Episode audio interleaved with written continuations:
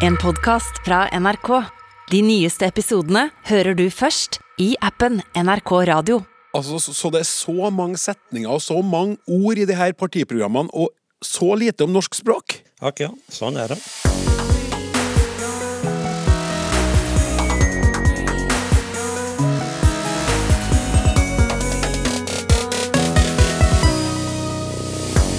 Straks er det stortingsvalg i Norge, og politikerne bruker gjerne store ord i jakten på din og min stemme.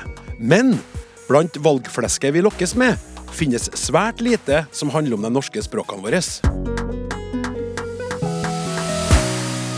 Tusen takk for at du hører på Språksnakk, hvor vi i tillegg til å saumfare partiene sine program på jakt etter ord om språk, også skal få en promillefri innføring i norsk fylleordbok, mens tidligere nekrologansvarlig i Aftenposten, kulturjournalist og forfatter Jakob Semb Åsmundsen er ukas gjest i Ut med språket.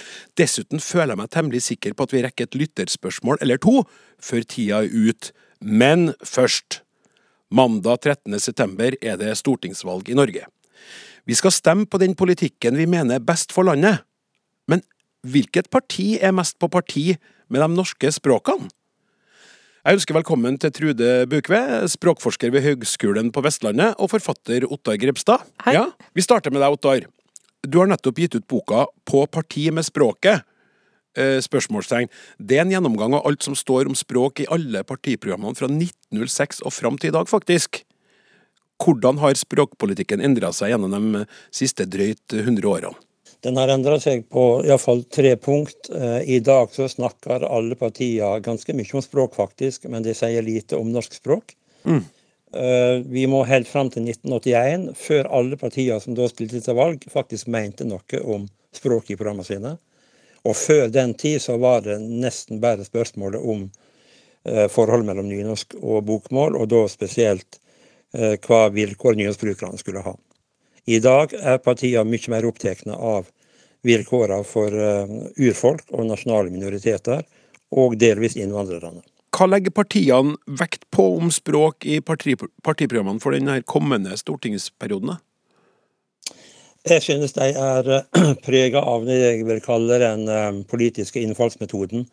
Eh, Det er ikke mange månedene siden et samla storting, iallfall mer eller mindre, slutta seg til et vedtak om en ny språklov, som er en stor hending i norsk språkpolitikk. Den bygger på tre klare mål som Stortinget var enige om for ti år siden. Hvis en ser i partiprogrammet, så er det nesten ingen spor av at en har vedtatt en språklov. Og det er heller ikke mange spor etter det partiet var enige om språkpolitisk som overordna mål. Så det, de hopper litt rundt og kopierer fra forrige program, og det har litt å gjøre med, med måten sånne program blir til på. Eh, Partiprogram er jo viktige fordi de det er jo tusenvis av delegater opp gjennom åra som er med på å vedta disse programmene på landsmøtene. Og det er viktige for å samle partiene og avklare hva partiene mener. Eh, Og da blir det ganske interessante signal hva de sier og ikke sier på det språkpolitiske feltet. Ja, ja, absolutt. Men er det ikke sånn at, eh, at partiprogrammene, hvis de skal ha med absolutt alt om alt de er opptatt av, så blir de veldig lang og omfattende? Eller? De er blitt veldig lange. Ja. Eh, Det var bare noen få setninger i de aller første partiprogrammene rundt 1900. Nå er det side opp og side ned. Eh, Men du kan få sagt ganske mye om språkpolitikk uten å bruke så mange ord. Det som er påfallende nå i de programmene som nå ligger føre, er at eh, jeg har identifisert ca. 30 emner eh, som partiene snakker om. ja. Eh, Men eh, somme partier er helt nede på å snakke om fem av de emnene, andre er over 20. Så det er veldig forskjellig hvor mye de får sagt, sjøl på liten plass. Vi skal komme tilbake litt til hvem som sier hva om eh, språk, men Trude Bukkeved, du er jo da språkforsker, eh, Høgskolen på Vestlandet, og du forsker annet på språkpolitikk. og Hva tenker du når du hører det Ottar Grepstad har funnet ut eh, her? Ja, altså Det første er jo liksom at eh, språket sin plass i, i på en måte politikken og partiprogram er jo, er jo kjempespennende. Og som Ottar på en måte viser, så har jo på en måte synet på altså både på, på hva språk som skal reguleres, og hvordan du, hvordan du skal regulere dem, det har jo endra seg gjennom tiden. sant? Og så viser, viser du, Ottar, da til f.eks. at det er mye fokus på minoritetsspråk. eh, og språket til, til innvandrere i, i, Norge, da, eh, i det nye partiprogrammet. Eh, og, og, kanskje sånn på en måte som, som språkforsker, eller på en måte Jeg, jeg syns kanskje det er litt sånn problematisk eller vanskelig å sette de ulike språkpolitiske sakene opp mot hverandre. fordi at alle saker vil jo være viktige. Og hva saker som på en måte er, er viktigst, eh, vil jo være ulikt fra person til person og gruppe til gruppe. Så jeg tenker at Hvis du spør en nynorskelev som, som eh, ikke får nettressurser på, eller som får alle nettressursene sine på bokmål, så er det kanskje styrkingen av nynorsk på digitale læringsplattformer som vil være viktigst. Men spør du en person med norsk som andrespråk, så kan det være at det er styrkingen av morsmålsopplæringen som er, som er viktigst. Sant? Sånn at alle på en måte språkspørsmål og, og språkpolitiske saker eh, vil være mer eller mindre viktige for ulike personer og ulike grupper. Så det er liksom vanskelig å sette dem opp mot hverandre på den ja. måten. Jeg skjønner, jeg skjønner ja. men, men hvor, hvor, på agendaen opplever du at norske politikere setter språkpolitikken, da? Sånn ut ifra det du sier nå? Ja, det er et godt spørsmål. Det kan jeg jo se fra, fra flere perspektiv, da. Eh, fordi at som Ottar var litt inne på, eh, så er det jo ikke sånn at det er mulig å få med alt i et partiprogram. Men det er ikke, det er ikke nødvendigvis ensbetydende med at språket ikke er en viktig politisk sak for de ulike partiene. Eksempel så blir det jo bevilga altså da, at det blir jo bevilga penger over statsbudsjettet til bl.a. Språkrådet, som har som en av sine oppgaver å følge opp språkpolitikken på oppdrag fra Kulturdepartementet. Men, men, når det er sagt, så er det jo sånn at i et partiprogram så har jo òg de politiske partiene mulighet til å løfte fram de sakene som de syns er ekstra viktige for partiet, og ikke minst som de kanskje også tenker at det er ekstra viktige for, for velgerne. da. Mm. Og, og hvis at du ikke bruker den på en måte muligheten til å eh, løfte fram eh, språket, så kan det jo være et inntrykk, eller gi et inntrykk av at altså språkpolitikken ikke er, er høyt oppe på agendaen, da. Ja, ja nettopp. Og Ottar, eh, du som har kikka grundig på det her nå. Hva tror du er grunnen til at språkpolitikken ikke oppfattes kanskje ikke oppfattes som viktig nok til å få plass i partiprogrammene, til tross for at de har blitt lengre og lengre og mer og mer omfattende, så finner du lite om språk. Hva tror du er grunnen til det?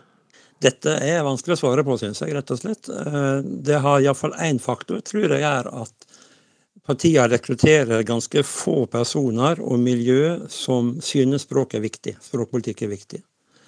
Eh, det er lett å finne samferdselspolitiske talsfolk og helsepolitiske talsfolk og hva det måtte være i i alle partier, for ikke å snakke om utdanningspolitikk. Eh, men du skal lete ganske lenge for å finne de som tar språkpolitikk på strak arm, dessverre, når vi snakker om rikspolitikk. Og Det som preger disse partiprogrammene, før vi går inn på skillnadene mellom partiene, det er nok, synes jeg, at de er ganske trygge på å snakke om det som gjelder skole. Eh, mm. Grunnskole og videregående utdanning. Eh, de hopper veldig fort vekk fra alt som har med universitet og høgskoler å gjøre, de fleste. Eh, de mener mye om støtteordninger, som Trude var inne på når det gjaldt f.eks. institusjoner som Språkrådet. Men de kobler ikke språkpolitikk til mediepolitikk, mediestøtteordninger osv. Så, videre. så de har et veldig avgrensa forståing av hvor, eh, hvor, språkpolitikken faktisk skal gjøre seg gjeldende. Hva signaliserer partiene når de i så liten grad nevner språk i partiprogrammene sine? Eh, jeg tenker jo òg at det kanskje gir et signal da, om at selv om på en måte språkspørsmål er viktige for folk, så vurderer kanskje ikke det politiske parti at, at språkpolitikken i seg selv er, er, det som er utslagsgivende da, for hva, hva en stemmer på. Og da bruker de kanskje ikke så mye plass på det i partiprogrammet sitt òg. Det kan jo være én mulig eh, altså, ja, grunn, da. Ja. Så vet vi jo fra velgerundersøkelser at eh, språk- og kulturspørsmål har lite å si for valg av parti. På den andre sida så tror jeg eh, de politiske partiene undervurderer eh, det språkpolitiske engasjementet blant folk, fordi vi har noe som jeg vil kalle det norske spørsmålet, som knapt nok gir mening å stille andre samfunn enn det norske. Det har valgforskerne gjort siden 1960-åra, der jeg har spurt hvert fjerde år hvor interessert er du i språkspørsmålet. Det er et veldig rart spørsmål å stille. Ja. Men fire av ti nordmenn svarer konstant ja, jeg er veldig eller ganske interessert i språkspørsmålet. Mm. Men, men det står altså ikke ut i valg av parti i særlig grad. Nei, skjønner. Men, men er, er det ikke er det ikke, eh, eller kan det ikke også være sånn at det å, å At man ønsker å ta vare på språket vårt, eller språkene våre, at det er så selvfølgelig at man ikke nevner det engang i, i Kan det være mulig at, man, at det er sånn For å si det sånn at alle forstår det, goes without saying. Jo, det kan du si, men da, var da er jo rart at jeg likevel skriver ganske mange generelle avsnitt om hvor viktig det er med språk. Ja. Men så har jeg veldig få tiltak som følger opp de overordna formuleringene. Eh, og da eh, vil jeg gjerne tilbake til denne språklova, fordi den ble nå vedtatt i vår, samtidig som eh, partiet hadde landsmøte eh, og vedtok programmene sine. Eh, og det er bare to parti, og det er Rødt og Kristelig Folkeparti, som eh, med, i rene ordelag viser til språklova og vil styrke den i neste periode. Det er ganske viktig og interessant, fordi eh, de politiske miljøene vet jo, og det vet mange språkbrukere, at den gamle mållova hadde ikke noen, har ikke hatt noen høy status. Og den nye språklova får ikke noen høy status uten at mange bryr seg og gjør den viktig. Og Dette er omtrent som partiene nå har vedtatt språklova, så da er det sikkert i orden. Og det er altså ikke. Nei. Eh, Men når, du er innom, inne, er innpå det, Ottar, hva, hva, hva slags partier mener du er best og dårligst på språkpolitikk ut ifra de, den gjennomgangen din? Ut ifra de måla som Stortinget samla seg om for språkpolitikken i 2009 Hvem er mest på parti med språket? Hva sa du? Hvem er mest på parti med språket, som boka di Ja, det er eh, Miljøpartiet De Grønne. Oh, ja. Uh, Ut ifra målsettingene i 2009. Så vil jeg nok si at Senterpartiet og SV ligger godt an.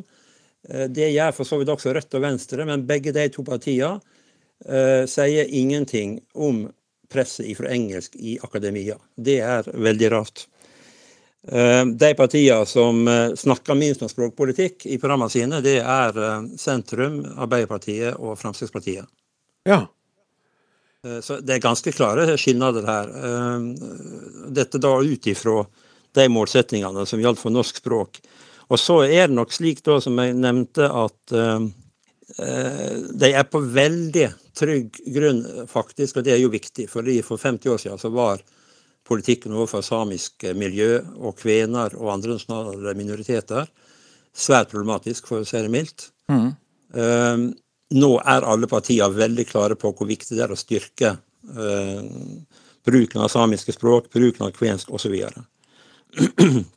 Det tror jeg har ført til at de tar for gitt at norsk språk er på trygg grunn, og det stemmer ikke verken for bokmål eller for nynorsk. Og når jeg snakker om norsk språk, så snakker jeg nesten aldri om hva gjør vi for å styrke bruken av bokmål i akademia, f.eks., eller i næringslivet, der presset fra engelsk gjør seg mest gjeldende. ja. Ikke overfor nynorsk, men overfor bokmål. Det der er veldig interessant, Otta Grepstad. og Det har vi faktisk bestemt oss for å ta tak i i Språksnakk. Eh, vi har hatt masse diskusjoner om det her. Eh, Trude, som eh, språkforsker, hvilke konsekvenser mener du det kan ha hvis politikerne lar språket seile sin egen sjø og tenker at det norske språket, nynorsk, bokmål, det norske språket klarer seg, og ikke lytter til det f.eks. noe Ottar sier? Ja, altså Det er jo et uh, veldig interessant uh, spørsmål. da, og, og Hvis vi tar et så jeg bruker min egen sektor da, som eksempel nå når, når Ottar først kom inn på dette her med, med hvordan en på en måte sikrer språket i høyere utdanning. da, uh, Så er jo da altså ut, Forskning og høyere utdanning er jo på en måte sterkt prega av mål om å internasjonalisere. Noe som òg ofte blir da synlig gjennom hva språkvalen gjør, både, både når en publiserer, men òg når en velger pensumlitteratur, og når en holder forelesninger. Eh, selv om det er på en måte til en viss grad avhengig av fagfeltet. Men en kan jo tenke seg, hvis en ikke har hatt noen form for regulering av språket i høyere utdanning, så kan en på en måte komme i en situasjon der en skaper en avstand eller en barriere sant, mellom utdanningen eller forsk forsk forskningsfeltet da, og resten av samfunnet. Og Da vil en stå i fare for at det norske språket eh, ikke kan brukes på alle områder i samfunnet. Det blir på en måte ikke lenger et samfunnsbærende språk. da. Og det igjen vil jo bli et demokratisk problem. fordi at hvis språket i seg sjøl på en måte blir barriere, eh, så gjør at en f.eks. ikke får tilgang til, til relevante forskningsresultat, eller at det kan bli vanskeligere å formidle disse her eh, eh, forskningsresultatene på en sånn måte at alle har tilgang til dem, så, så er jo det, som jeg sa, det er jo et demokratisk problem, da. Sånn at en må på en måte både ha, tenker jeg da, regulering og insentiv, da, for å passe på at språket i, i uh, ulike områder i samfunnet, da, at det ikke blir en barriere for å delta eller gjennomføre f.eks. utdanningen, eller å kunne tilegne seg eh, viktig forskning. Mm. Pisk og gulrot. Yes. Tror det er lurt. ja. eh, helt til slutt eh, Det som Trude ja. peker på, som er veldig viktig, og dette kan jo Trude mer om enn de fleste, eh, så er det jo da slående at både Kristelig Folkeparti og Venstre eh, er opptatt av at eh, det gjelder å internasjonalisere høyere utdanning enda mer. Eh, jeg mener nok at det kan en si samtidig som en har en politikk for å samtidig styrke bruken av norsk på ymse måter, slik som Trude nå eh, antyder. Men det gjør jeg altså ikke. Mens derimot eh, SV, må det være lov å framheve, peker på det som er et helt kritisk punkt for nynorskbrukende studenter, nemlig overgangen fra videregående skole til universitet og høgskole, der vi vet at mange går vekk ifra nynorsk og tar i bruk bokmål, eventuelt går rett til engelsk. Mm. Så de, de, er ikke helt de er ikke treffsikre i språkpolitikken sin, de fleste partier. Det er et eh, problem, mener jeg. Ja, det er notert. Eh, nå er det jo ingen parti som er invitert hit i dag eh, for å diskutere det her, og det tror jeg kanskje er like greit nå rett før de resten av oss skal gå til stemmeurnene. Men tusen takk, forfatter av parti, på Parti med språket, Otta Grepstad. Uh, og tusen takk til språkforsker ved Høgskolen på Vestlandet, Trude Bukve, som dukker opp igjen mot slutten av sendinga for å svare på lytterspørsmål. Språksnakk med Klaus Sonstad. Nå er det straks klart for ukas gjest i Ut med språket. Jeg tenkte bare at jeg skulle by på et par tilbakemeldinger fra dere lyttere først. Vi går til Tor Avseth, som har en kommentar når det gjelder det med å se mellom eller gjennom fingrene. Jeg blir jo satt fast i lytterspørsmål spesial av språkforsker Olaf Husby på det her sjøl. Syns det var litt pinlig, men så får jeg litt trøst av en Tor. Det går utmerket fint å se mellom fingrene på noe, selv om den vanligste formen er gjennom fingrene. Husk at i Porsgrunn og der omkring sier de at fauren fløy mellom vinduet, i betydningen fuglen fløy gjennom vinduet. ja, se der. Gleder meg til å snakke med en Olaf om det. Og så har vi fått et kjempefint innspill her fra Bente Elisabeth Holmen. Hører på dere veldig godt og artig program. Ikke om småord, men nyord etter koronatiden. Mye morsomt, men det mest kuriøse syns jeg er Hør på det her. Avklart snørr. Avklart snørr. Altså brukt om barnehagebarns vanlige snørr, i motsetning til koronamistenkelig spørsmålstegn snørr. Og da er det sånn jeg ser for meg i en barnehage så snakker de ansatte altså, se på, se på, Olaf, da. Han er så forkjøla. Ja, ja, slapp av. Det er avklart, avklart snørr. Det går helt fint. Tusen takk skal dere ha for fine innspill. Har du noe på hjertet, en undring, en mening, et spørsmål, skriv til snakk krøllalfa. Og så var det gjesten. Han skapte nasjonalt rabalder som tidenes yngste og mest frittalende 17. mai-taler i Tønsberg i 2015, men lot seg ikke kneble av den grunn. Det er selvfølgelig uaktuelt for en mann som mener at han snakka seg til en sjetteplass i 71 grader nord. Jakob eh, Semb Åsmundsen, velkommen. Tusen takk. God dag. God dag. Eh, du, jeg tenkte vi bare skulle ta den, eh, den, med en gang. Den 17. mai-talen den gangen. Det begynner å bli noen år siden nå. Du er fortsatt en ung mann. Da var du enda yngre. Ja. Og du, sto, du stilte deg på talerstolen foran festkledde mennesker som feira Norges bursdag, og så mm. Holdt du en tale, og så ble det reaksjoner. Og nå må du fortelle hva som skjedde. Ja, jeg eh, I 2015 så fikk jeg den æren av å være den yngste noensinne som fikk holde hovedtalen på 17. mai i min fødeby Tønsberg.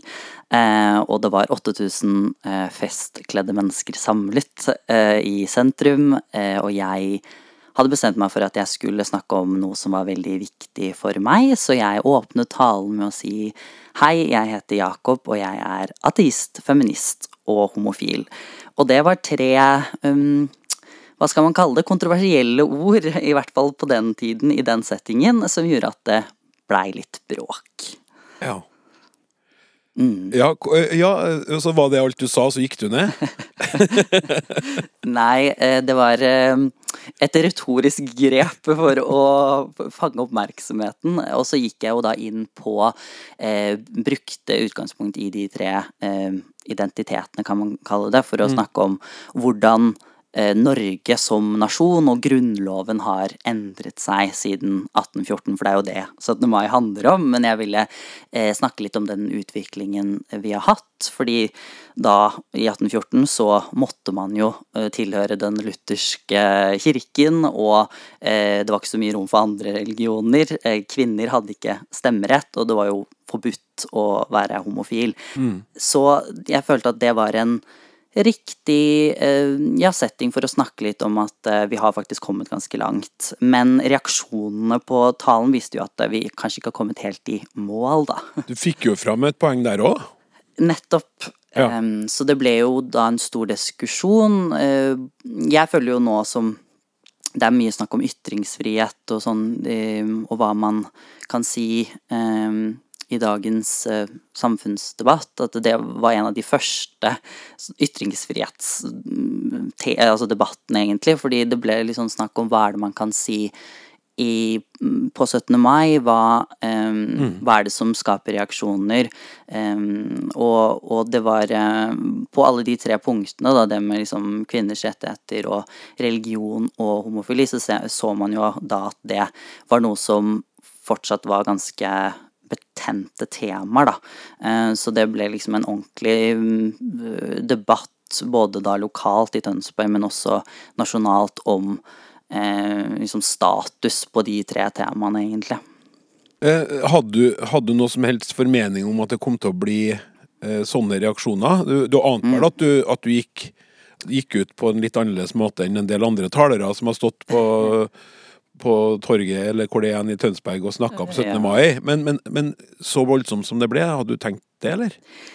Jeg ville jo uh, snakke om noe som uh, jeg var opptatt av, og jeg visste jo at det var ting som var litt uh, kontroversielle. Jeg trodde ikke at det kom til å bli så mye oppstyr, men jeg håpet jo at det ville sette i gang en refleksjonsprosess, og at folk ville lytte Altså hovedpoenget med å gjøre det retoriske grepet og være litt sånn eh, Komme liksom bambust på i starten av talen og snakke om noe som kanskje man ikke gjerne gjør på 17. mai, var jo å få folk til å lytte, fordi mange taler som skjer på sånne eh, høytidsdager, blir jo ikke alltid registrert, alltid, Nei. av alle som, som, er til stede. Så det var jo eh, også sånn retorisk grep for å få folk eh, med, da. Mm. Uh, før vi går videre, uh, opplevde du det som vellykka? Uh, ble, det, ble det en fruktbar diskusjon ut av det? Ja, jeg syns absolutt det. Det var jo første gang kanskje også jeg måtte stå i det som er kanskje blitt enda mer vanlig nå, altså netthets og um, litt sånn hardt ytringsklima. Ja. Um, det var mye stygge kommentarer i innboks og, og, i kommentarfeltene. Men jeg tenker egentlig at det var, ble en ganske sånn produktiv debatt til, til, syvende og sist. Det var mange som kom med veldig mange interessante eh, poenger fra alle mulige kanter, egentlig. Og det er jo det som jeg syns er viktigst, egentlig ikke at man skal vinne en debatt eller noe sånt, men at man kan ha gode, gode diskusjoner. Det er jo det som er så bra med et velfungerende demokrati, og, og, og også bra med ytringsfriheten, da, at man kan slippe til eh, alle mulige stemmer. Ja.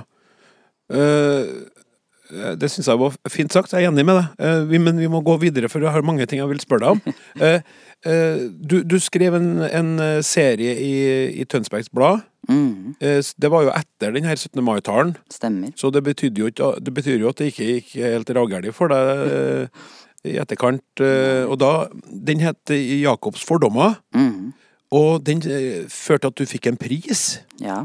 eh, i A-media.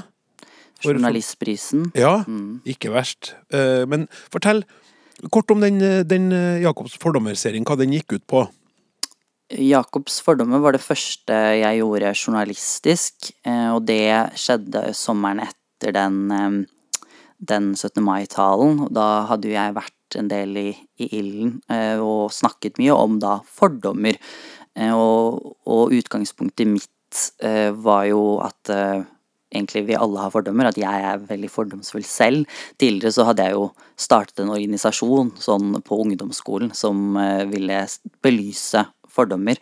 Eh, og det var jo det engasjementet for eh, å forstå de man kanskje ikke er enig med, som, som lå bak at jeg da gikk inn i den serien og fikk lov da Tønsbergs Blad til å undersøke egne og andres fordommer i da artikkel- og videoformat. Så det var jo eh, ble jo veldig spennende, da. eh, For det var jo gjort på en litt annen måte også fordi jeg som journalist var jo ganske deltagende i, i teksten. Så det var jo um, et sånt Det var jo liksom menneskemøter, da, mellom meg og de jeg skrev om. Ja. Og da kom du litt sånn blankt til det. Øh, Du hadde ikke gått noen journalistskole i forkant av det der? Ingen måte. Nei, du var Gikk i andre var- klasse på videregående. Ja, ja nettopp. Eh, Men for da, du, du, du måtte jo ha fått den her evnen til å skrive og formidle fra et sted. Hvor tidlig merka du at du, at du likte å skrive? Og, og, og, og likte å skrive da du var yngre? Mm, jeg, Enda yngre, mener jeg. Ja, jeg har alltid eh, elsket å skrive alltid elsket å leke med språk. Så helt fra Altså, jeg er fra en ganske sånn eh, sportsorientert familie, så det er mer eh, fokus på på idretten enn litteraturen, for å si det sånn, selv om eh, er, jeg har, en, altså, har lærerforeldre, så det er på en måte kunnskap står i sentrum også, men, men sporten var viktig, og jeg var ikke så interessert i det, selv om jeg spilte fotball og sånn. Så jeg, da mine søsken var på Norway Cup og Dana Cup, og jeg ble dratt med for å se på dem, så satt jeg helst i bilen og skrev eh, historier, skjønnlitterære eh, fortellinger, og, og dykket ned i i tekst, egentlig, da, og har brukt det alltid som, um, som lek. Um, så alltid vært veldig glad i, i, i, i ordet, da, og kunne, kunne bruke det på ulike måter, både profesjonelt og eh, privat. Ja, så du droppa fotballkampene til søstrene dine og satt i biler og skrev eh, Men når du, skriver, når du sier skjønnlitteratur, hvilken eh, sjanger snakker vi da den gangen? Den gangen så var det vel eh, mer fantasy. Eh, skrev eh, var, var jo glad i, som mange andre barn, Harry Potter og sånne type bøker, så jeg skrev mye eh, sånne litt sånne Brukte kreativiteten min da for å lage så rare historier som mulig. Eh, så det var veldig mye sånn, bare Jeg prøvde å å skrive på en måte som overrasket meg selv. Eh, så jeg, jeg ville alltid hatt så åpent eh, hode og, og sinn at jeg bare visste ikke selv hvordan det kom til å ende. Okay. Du skjønner. Er, det ikke, er det ikke stream of consciousness det heter på et vis? eh, Eh, jo. Jeg vet ikke. jeg skal ikke begynne å rote meg inn i noen sånne litterære sjangre her. Eh, La oss, la, oss, eh, la oss heller eh, gå litt videre, for det er litt artig at du nevner det her med at du eh, spilte litt fotball, men helst satt du i biler og skrev mm. fantasifulle historier mens det var fotballkamper som pågikk. Men du måtte ha vært litt sporty, eller må være litt sporty, for du, du greide jo faktisk å komme på sjetteplass i 71 grader nord. Og for en som aldri har vært i nærheten av eh, et sånt prosjekt, men har sett mange sesonger på TV, så er jo det imponerende. Ja, og jeg pleier jo alltid å presentere det som at jeg kom meg gjennom sju av ti etapper. For det, det høres enda mer det er, imponerende ut. Ja, det, er jo- det, det er veldig jeg- bra. jeg Der har du språket igjen! Der har du språket igjen. Du, er makt. du, du kom deg jo gjennom sju av ti etapper du i 71 grader nord. Ja, nettopp. Ja. Så det var eh, eh, Men igjen, der så var det Jeg har jo eh, genetikk som gjør at jeg har eh, Altså sånn er greit sånn fysisk anlagt, eh, selv om jeg ikke utnytter det til det fulle.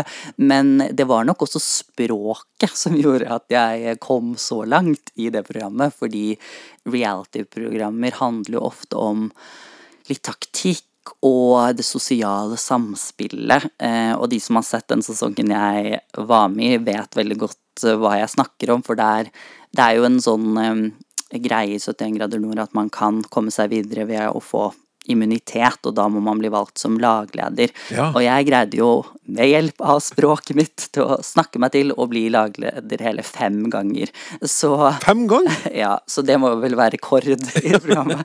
Eh, fem ganger på rad. Jeg var i helt til vi ble sammenslått lagene, så var jeg lagleder. Så um, det var jo Det jeg gjorde bra, da, var jo å overbevise andre om at de skulle eh, ha meg som lagleder. Det skulle nesten vært tittelen på et intervju med deg. Den gangen burde det vært 71 grader ord. Smart. Oh. Mm, mm. og, og, og ordet har jo fulgt deg siden, eller og var der, var der da. For det, det der er jo ikke så lenge siden, faktisk. Men, men eh, så, så du jobba med, med prosjekter i Tønsbergs Blad, og så nå er du i Aftenposten. Mm. Og der har du også vært innom Side, altså Mm. SI, altså sånn apostrof stor D, som er den her ungdomssida til Aftenposten, som har gjort det veldig bra. Stemmer. Som barn og unge skriver inn om sine tanker, dikt, men også innlegg om politikk og Mm. ting de kjenner på i hverdagen. Og det har du jobba med. Det må jo være en fin greie å Ja, absolutt. Side er jo eh, noe av det beste vi har i dette landet, vil jeg si. Sånn eh, med tanke på unges mulighet til å ytre seg, demokratiutvikling. Jeg, jeg ser på den spalten som veldig sentral i, i demokratiet vårt, rett og slett. Fordi at det er veldig mange som eh, Altså, jeg eh, hadde ansvar for Side da vi fylte fylt, eh, fylte 15 år. Eh, og da så vi jo tilbake på altså skribenter som har vært betydelige nå i samfunnsdebatten, og er politikere og er innenfor kulturlivet og andre type sektorer som er, på en måte har mye makt nå, da, som startet sin, eh, sin karriere eller sin startet å ytre seg i side. Så, så det, det å kunne og det som er rollen til de som jobber i Sida, er jo å, å hjelpe eh, folk som har meninger og som har ting å ytre, eh, hjelpe dem med språket. Så, så det er jo for en som er interessert i språk, sånn som meg, så eh, var jo det gull, fordi da kan man eh, ja, virkelig eh, bidra med at andre får sagt det de egentlig vil si, da. Um, og, og den gjennomslagskraften man har når man skriver i en nasjonalavis nasjonal avis som Aftenposten, kan være ganske, ganske imponerende. For det er veldig mange eh, politikere og andre som, som har makt, som leser side, og som får det med seg. Så det, det var en veldig, veldig givende oppgave. Ja, sånn skulle nesten ha vært en greie som Aftenposten hadde franchisa ut til andre og latt andre aviser få få, det er sikkert flere som prøver. Det er Veldig fint prosjekt, og veldig fint at det fortsatt eksisterer, og i beste velgående. Det er jo ikke bare bare. Men det som er litt artig, eller interessant med deg oppi det hele, da, det er at du går da fra å jobbe med ytringer om og for unge, og går da over til dødens uh, rike. Mm. Nekrologer, som Aftenposten også satser på, Ja, eh, og har løfta fram. Der har du også hatt ansvaret. Absolutt. Eh, litt av en overgang. Ja, Men tekst er jo selvfølgelig viktig Ja. tekst, men en helt annen sjanger, og, og som eh, tekst som må behandles på en, jeg antar, en ganske annerledes måte. Og det, og det ble jo en intern eh, spøk, det at jeg gikk ikke sant fra de mest eh, levende til de, til de døde. Um, men eh, det Og mange så på det som en sånn nesten litt sånn depressiv oppgave og skulle jobbe med, med død. Men tvert imot så var jo nekrologprosjektet også altså, ekstremt givende eh, og levende, fordi at det, det handler jo om å fortelle folks historier og hjelpe ulike mennesker som vil skrive noe om personer som betydde mye for dem. Hjelpe dem å skrive, skrive på en, på en eh, god måte. Eh, og grunnen til at jeg hoppet inn i det prosjektet, var jo også fordi jeg eh, altså skulle forsøke å ja, eh, se litt hvordan vi kunne presentere stoff på en annen måte, få det på nett, fordi det var kun på papir eh, før det. Og, og, også få inn et større mangfold av historier. Eh, fordi at eh, nekrologene er jo historien om Norge. Historien om Norge. Mm. Det er jo å gi oss innblikk i personer som vi egentlig kanskje aldri da hadde uh, lest om eller hørt om eller snakket med på, annen, på et annet vis.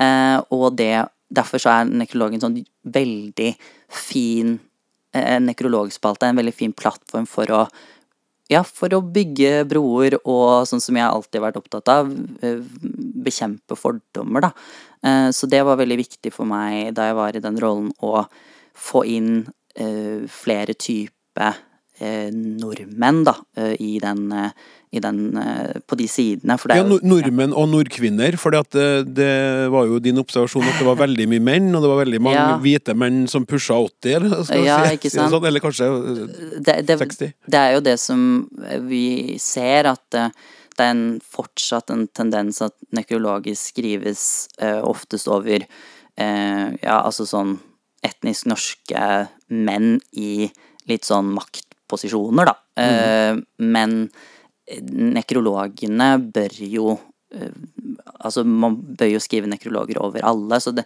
jeg var veldig opptatt av å få inn flere med innvandrerbakgrunn, flere med ulike Altså funksjonsnedsettelser, eh, flere altså kjønnsuttrykk, legninger Alt mulig som, som kan gi et ja, mer nyansert bilde av hvordan Norge egentlig er, da. Kan du bare kort si hvordan det er å henvende seg til noen som har skrevet en nekronog om noen som står dem nær.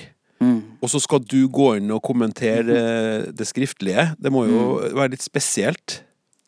Ja Eller at man må være litt sånn følsom i tilbakemeldingene, kanskje? da? Det er jo eh, noe av det uh, tekstuelle man kan produsere som er det som er mest ømfintlig og mest eh, nært og sårt, og det er veldig viktig for de som skriver. Så man må jo, når man skal kommunisere om en nekrolog, være veldig mm, forståelsesfull og, og ja, være veldig raus i, i, hvordan man da gir tilbakemeldinger og, og potensielt um, endrer ting da, i teksten. Mm. Så, så, det var jo en stor del av min jobb å uh, snakke snakke mye med de som sendte inn. Hvis jeg hadde forslag, så uh, var det gode samtaler på telefonen, uh, og vi fikk uh, en, en, god dialog om hvordan vi kunne gjøre det enda bedre, da. Ja. nei, det er fascinerende, det her må jeg si. og ja, nekrologer. En egen sjanger, eh, og mm. viktig.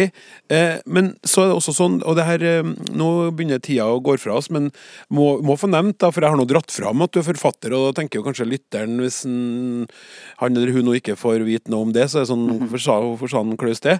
Jo, eh, du har også skrevet ei bok som heter Fri? spørsmålstegn, Fanget i en seksuelt frigjort tid. Stemmer. Eh, hva, var, hva var det for slags prosjekt? Det var ehm, et prosjekt som ønsket å dykke ned i seksualitet fra et ungt perspektiv i dag.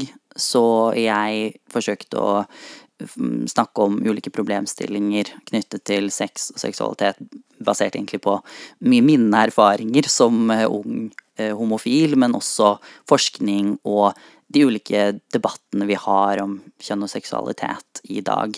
Så det var en sånn egentlig som ja, å miste jomfrudommen forfattermessig. Sånn på Jeg skrev jo også detaljert om å miste jomfrudommen, så det var jo dobbel betydning der. Men det var en sånn eh, på mange måter en sånn, eller sånn terapeutisk prosjekt like mye som det var eh, en, eh, et, et, bokprosjekt. For det var eh, det, Jeg skrev den i en periode hvor jeg hadde også mye spørsmål knyttet til de, de, spørs, altså til de temaene, og hadde lyst til å utforske det og dele den utforskningen med andre. Ja. Kjærlighet i Tinders tid. Ikke sant. Eh, men, men hvordan, hvordan, greier du å være så I den boka er du ekstremt åpen og ærlig. Ja. På egen seksualitets vegne. Ja, det er både eh, grisete og sårt og alt mulig i den boka, og det var veldig viktig for meg fordi jeg har alltid trodd på åpenhet og trodd på at det er eh, Ja, at den balansen mellom privat og personlig eh, er ikke så Jeg føler den ikke er så viktig, eller jeg føler at det er viktig å, å utfordre den litt. Eh, spesielt på temaer som er tabubelagte. Um, og det å være ung homofil så altså Vi er jo ikke så mye konfrontert med hvordan sexlivet til homofile uh, fungerer, og da så jeg på det som veldig naturlig, når det er en naturlig del av mitt liv, å dele det um, når jeg først skriver uh, en sånn bok. Har du noen nye prosjekter på gang i bokretning? Um, ja, men uh, jeg kan ikke avsløre noe. Men, ok, ok, ok, det er greit. Det er greit. Det du skal få avsløre nå uh, Jakob uh, Semb Åsmundsen, ut med språket. Hva er ditt favorittord? Nysgjerrighet. Nysgjerrighet? Nysgjer nysgjerrighet. Jeg er veldig glad i nynorsk også, som oh, ja. inkluderer det. Ja. Men det er flere grunner til det. Eh, den ene er at det er såpass sånn kronglete og litt sånn pussige ord. Sånn nysgjerrighet. Det er mye forskjellige ting som skjer når man skal uttale det. Eh, klangen er litt spesiell. Men også fordi jeg, det er, det er, jeg føler det er min livsfilosofi. Altså det det ordet rommer. Det å være nysgjerrig på seg selv, på verden, det er kanskje den verdien som jeg setter øverst. Ikke bare for meg selv, men også uh, de jeg velger å ha rundt meg, må ha den, den, egenskapen. Det er jo et begjær etter viten, og det er jo det viktigste vi kan ha. Det er jo fint, fordi det slår meg at det er med å være nysgjerrig og lære mer om andre også kanskje kan være med på å uh, minske fordommer. Absolutt. Det er, det, er, det er, en rød tråd uh, i dette, selvfølgelig. ja. Jeg, jeg, var nysgjerrig på deg, og nå har jeg fått uh, vite uh, litt. sikkert mye mer igjen, men tida vår er ut. Tusen takk skal du ha. Ha en fin dag videre. Takk likeså. Hør flere episoder av Språksnakk i appen NRK Radio. Nå skal vi forsøke å ha en edruelig tilnærming til et nytt, særdeles alkoholpåvirka oppslagsverk, nemlig Norsk fylleordbok. Ja, du hørte riktig. Ei ordbok med ord som handler om fyll, å ha blyhatt, være emballert eller futa drill, for eksempel. Man skulle kanskje tro at et sånt prosjekt ble unnfanga og gjennomført med promille, men sånn er det vel ikke, kulturhistoriker ved Telemarksforskning Ole Marius Hylland? Nei, det stemmer nok. Jeg kan nok kanskje tenke meg at ideen har vært diskutert i påvirka tilstand på et eller annet tidspunkt, men det er en ganske edruelig og gjennomtenkt idé sånn way back, altså. Ja, ja for at way back, der sa du det på, på litt mer moderne norsk, da. Du skriver jo i forordet at det starta med eh, sporadisk og usystematisk feltarbeid i starten av studietida? Ja, det stemmer.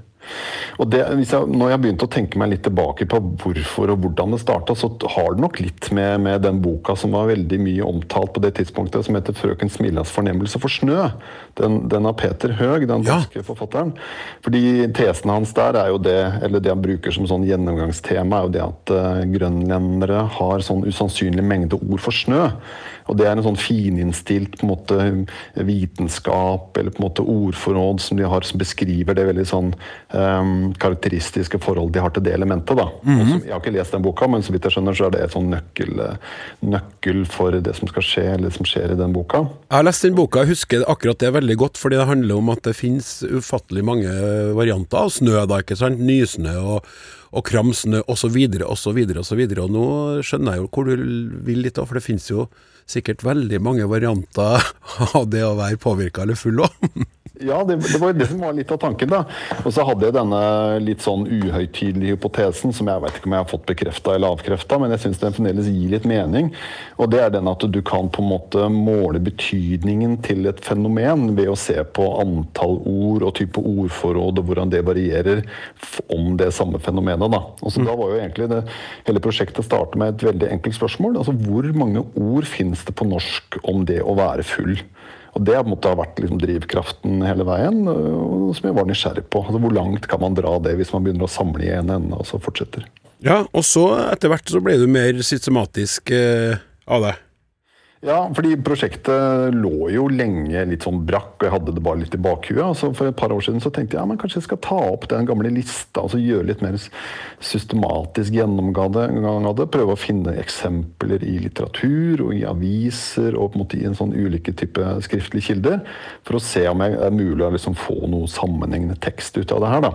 Du sier det her mer systematiske, eller den mer systematiske gjennomgangen av skriftlige kilder. Syns jeg er artig at du har et sånt ganske godt strekk. Du nevner jo blant annet ordbok over det norske folkespråk av Ivar Aasen, mm. og fram til Fram til uh, Satsebrakke med Herman Flesvig. Uh, det er vel kanskje liksom den andre enden. Uh, så det er liksom fra, fra Ivar Aasen til Herman Flesvig, da. Mm.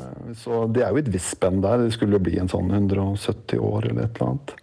Så, nei, så Kildene er på en måte litt spredt, og det har vært et poeng hele veien. at det, Selv om dette er, det er muntlig språk, og det er slang og det er på en måte uttrykk som ikke alltid er så lett å dokumentere, så har det vært viktig å vise at de her er faktisk i faktisk bruk. Og de har blitt uh, omtalt i avisinnlegg, eller i Facebook-poster, eller i romaner, eller i en eller annen type oppslagslitteratur, for at de skal liksom dokumenteres som, som ord som har fått en viss gjennomslag. da. Var det ikke sånn også i din, når du begynte å se nærmere på det her, at du fikk uventa hjelp fra Helsedirektoratet? Jo, det gjorde jeg. Et stykke ut i, i, når jeg holdt på med det her, så fant jeg ut det at eh, Helsedirektoratet hadde vel i var det 2015 og 2014 eller rundt der, så hadde de en kampanje som het eh, Hva kaller du det? Eh, Bl.a. med noen veldig sånn forseggjorte plakater hvor det sto f.eks. 'panserdrita' eller 'sveiseblind' osv. Tanken var jo det at man skulle bevisstgjøre det at man skulle ikke eh, skjenke folk som var sterkt påvirka. Mm -hmm. Og da annonserte de bl.a. på Facebook etter folks egne beskrivelser av det, og hadde en innsamling av ulike ord. Jeg er litt usikker på om det fungerte så godt i forhold til at det var en bevisstgjøring at man ikke skulle gjøre feil ting i fylla eller måtte servere fulle folk mer alkohol. Men eh, det fikk ganske stort gjennomslag blant folk eh, på det tidspunktet. altså. Eh, du må jo nesten komme med noen eksempler til oss her. Nå er det jo Uh, ja, som jeg sa, vi, vi, skal jo ha en edruelig tilnærming til her, men det er jo mange flotte ord i, i, i denne ordboka her. Ja. Og, og, beskrivelser. Og jeg nevnte jo noen eh, helt i starten, og ha blyhatt og være emballert og, og eller futa drill. Ja. Eh, men det er jo mange flere. Ja, ja, ja. ja nei, det er jo det, det er en del. Og jeg har jo måtte lagt litt sånn elsk på de litt sånn 50- og 60-tallsbegrepene som har en litt sånn eim fra den tida. Sånn som brun som ei nepe, og det å ha, det å ha bulk i spannet, og det å eh, være fylt til plimsollen, syns jeg er et litt sånn morsomt ord og begrep som jeg tror veldig få har brukt de siste 70 åra. Fylt til plimsollen? Fylt i Plimsollen. Uh, og det måtte jeg jo slå opp for å prøve å finne ut hva i all verden betyr det. Og da var jo det som var forklaringa, var det at um, Plimsollen det, altså det, er navnet på det merket på skip som antyder hvor tungt du kan laste skipet. Eh, Og historien bak det igjen er jo det at det var en britisk politiker på 1800-tallet som het Samuel Plimsoll, som arbeidet for sikkerhet til sjøs. Og han fikk introdusert det som en standard på alle skip. Og det merket blir også kalt Plimsollen. Så hvis du da er fylt i Plimsollen, så er du med andre ord godt fylt og overfylt søkkellasta. Ja. Som man også kunne sagt. Det må man kunne si. Og da, da vil jo det uttrykket da, øh, i din bok kanskje være, være merka med opptil fire flasker, for du har jo også en sånn gradering som jeg syns var ganske Ja. artig. Eh, du, du, for du, du kommer jo med ordet, så har du en flaskegradering av Og da hvor, hvor full man er, rett og slett, Ja, i, i den betydninga. Ja. Og det, det må jo sies da at det er vel Det her er jo egentlig en relativt seriøs ment og tenkt bok, med mm. et halvt snev av det vitenskapelige, men akkurat der er det nok på det mest uvitenskapelige, da, for, for, å si det, for å si det på den måten. For det jeg har gjort der, er rett og slett at jeg har fått eh, hjelp av et eh, ekspertpanel, som jeg kaller det, men det er altså gode kamerater av meg, som jeg har bedt om å gi sin egen vurdering av hvor på skalaen disse ulike uttrykkene plasserer seg. da. Og så har jeg tatt et gjennomsnitt av de vurderingene og så plassert det på en, måte sånn, på en flaskeskala. Okay. Så det her kan man sikkert ha flere meninger om akkurat antallet flasker. da. Det skal jeg love deg at eh, folk kommer til å ha. Sånn er vi jo. Eh, men men, men så, forklarer du ordene, og du setter dem i, i en sammenheng. eh, I setninga de er blitt brukt i. Du gjør jo et veldig grundig arbeid her. Det er jo i, det er ordentlig gjennomarbeida fyllebok. Unnskyld, fylleordbok. Det var jo det som var litt tanken, at, eh, at det skulle være noe mer enn bare en sånn passiv oppramsing av en 300-350 ord for det å være full. Det ville kanskje vært litt kjedeligere og litt mindre på en måte interessant. Da. For jeg, et poeng for meg har også vært at det her er jo det her er en sånn type språkgjennomgang og en sånn type språkhistorie som også bør fortelles. da. Eh, og jeg syns jo det er skrevet fremdeles litt for lite om det muntlige språket og det, måte, det språket som ikke alltid er mellom ordbokpermer. da. Så det er på en måte en slags sånn, eh, si, sånn faghistorisk eller sånn faglig begrunnelse for, for å holde på med det her også. Men eh, Ola Marius Hylland, hva, hva vil du som kulturhistoriker si til det at det finnes så mange begrep for å være full i vår kultur? Det er jo flere ting å si om. og Det ene er jo at dette åpenbart er noe som betyr mye, og som har, har stor betydning. Um, og det er jo sånn at uh, Rus har stor betydning i alle kulturer, men uh, vi har et uh, stort ordforråd for, for det, og som, som jeg tror på en måte antyder at dette er noe man har med et sånt glimt i øyet satt språklig pris på i, i hundrevis av år. Um, og Man kunne jo tenke seg at noen av disse begrepene handla om det at man skulle på en måte skjule det, eller ha en liksom sånne eh, omskrivninger for det, men det er mer det at det brukes med sånne humoristiske understatements, og det holdes fram som noe på en eller annen måte attraktivt og, og humoristisk. da. Mm. det, er, det er en sånn språklig, eller det er en dansk språkhistoriker som jeg tror det var for over 100 år siden, som sa det at av alle laster så kjeler vi språklig sett mest for alkohol. Og Det er en sånn fin, litt sånn poetisk måte å si det på, syns jeg. Altså, det at det er en slags sånn språklig kjærtegn for noe man egentlig setter veldig stor pris på. Um, og det tror jeg kanskje en sånn liste kan si noe om, da. Ja, men så er det sånn nå at i denne gjennomgangen av eh, godt over 300 ord og begreper, så er det jo sånn at det er noen som fortsatt er med oss, og andre som er borte. Eh, og et som har forsvunnet, eh, perialisert. Ja. Ja, det, det, er, det er gått ut av bruk. Eh, Så vidt jeg husker, så fant jeg vel en bruk av det på, på seint 90-tall i en roman eller, eller lignende. Men, men eh, det gir jo veldig liten, liten mening lenger. Selv om det på en måte var brukt fra begynnelsen av 1800-tallet og, og fremover. da. Hva, hva er det egentlig som ligger i det, da? Nei, det betyr jo Man kunne også bare si at man var på en perial, eller fikk en perial, eller at man var perialisert.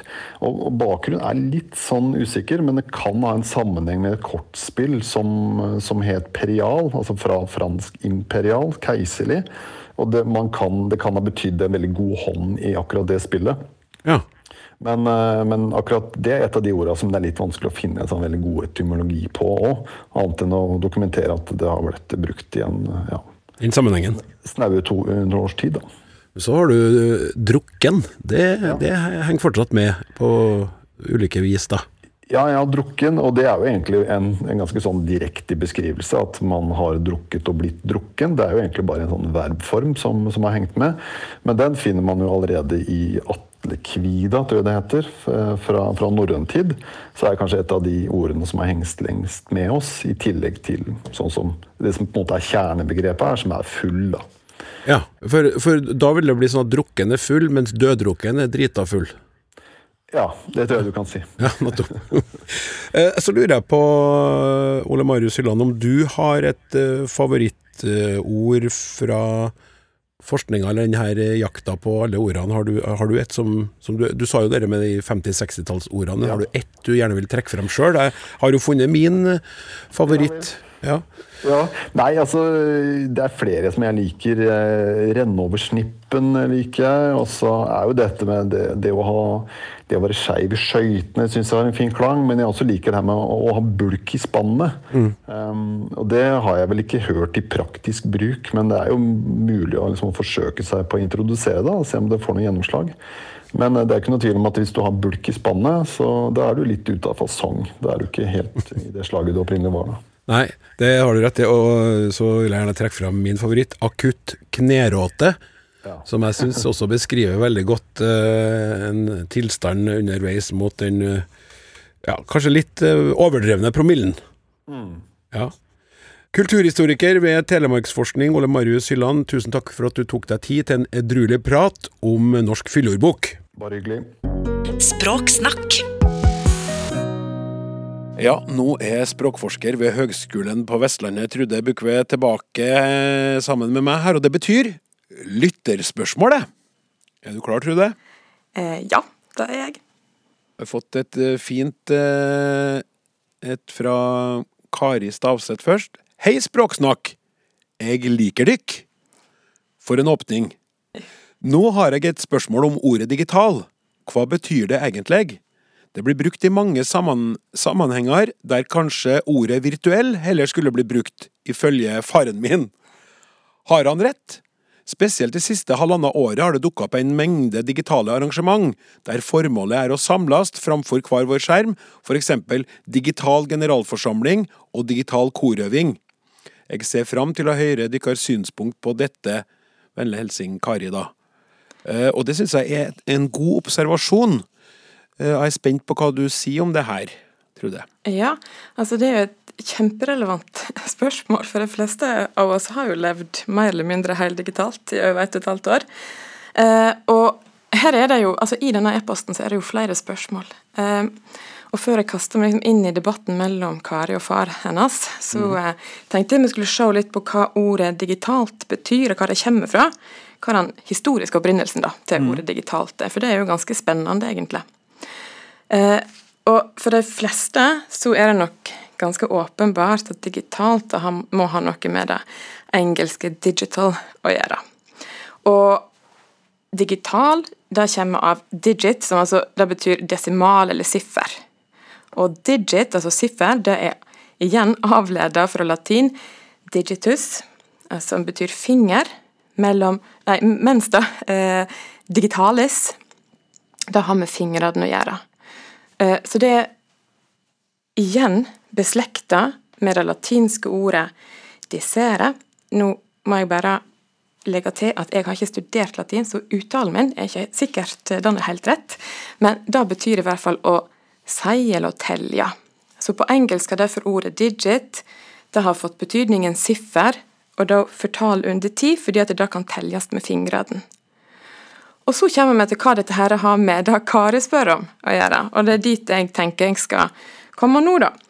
Fordi at ordet digital da syner til og da digitale data som gjengir fysiske størrelser med diskrete tegn, altså siffer.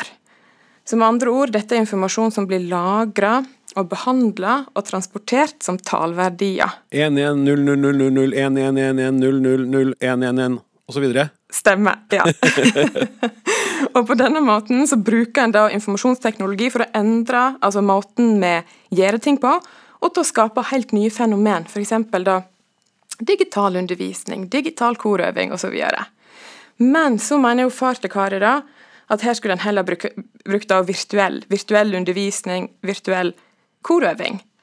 Og da må jo vi gå og se på etymologien, eller opphavet til ordet virtuell, da, som har et litt annet opphav. Og virtuell det er avleia fra det latinske ordet virtus, som tyder kraft, eh, dyktighet eller styrke. Og virtuell, da, det altså det er da noe som tilsynelatende er virkelig, eh, eller som i digital form forestiller noe i den fysiske virkeligheten. Og Et eksempel på det kan jo være da virtuell fredagspils. Og Spørsmålet da, da blir om digital undervisning og virtuell fredagspils ikke kan forstås på litt ulike måter, og det er da jeg tenker, da, at det kan forstås på som litt ulike ting. Mm. For i en digital undervisning så vil du jo delta i en undervisning. Den gir, gir, gir seg ikke ut for å være noe som er tilsynelatende virkelig, den er virkelig. Mens den virtuelle fredagspilsen den stiller seg litt annerledes. Altså Fredagspilsen den skal jo egentlig inntakes i altså et sosialt samvær med f.eks. kollegaer. Og den virtuelle fredagspilsen den kan jo derfor, mener jeg, da forestille noe. At en er ute og drikker øl, men så sitter en egentlig bare bak skjermen sin og drikker alene. Mm -hmm. eh, så jeg, jeg, tror egentlig at svaret ikke er sånn enten-eller. Det er ikke så, så lett, da. Men jeg holder likevel en knapp på at i situasjoner der liksom den selve aktiviteten blir gjennomført, f.eks. en korøving eller en generalforsamling eller en undervisning, når det skjer gjennom en digital plattform, så vil jeg ha kalt det for digital korøving eller digital generalforsamling. da. Ja. Mens hvis en da deltar i en aktivitet der en prøver å forestille seg at situasjonen rundt selve f.eks. øldrikkingen er viktigere, så vil jeg ha brukt virtuell. Men, ja, så, lenge at, så, lenge at, ikke ølen blir virtuell òg, for da, da, da, blir det trist. Ja, det er veldig viktig at den ikke blir virtuell. Eh, men, men, jeg tror rett og slett på en måte jeg liksom avslutta det med at både, både, Kari og faren har jo egentlig litt rett. Det er jo fint. Ja. Da kan de gi hverandre en ekte klem, ja. hvis det er mulig. Ja, det håper Sant? jeg. Ja. ja, så bra. Tusen takk skal du ha, Trude Bukve, språkforsker. Takk for meg. Språksnakk er straks slutt for i dag. Morten Lyn, Randi Lillealteren, Petter Gustavsen og programleder Klaus Sonstad takker for følget. Prøv å unngå akutt råte i knærne, og godt valg. Vi snakkes.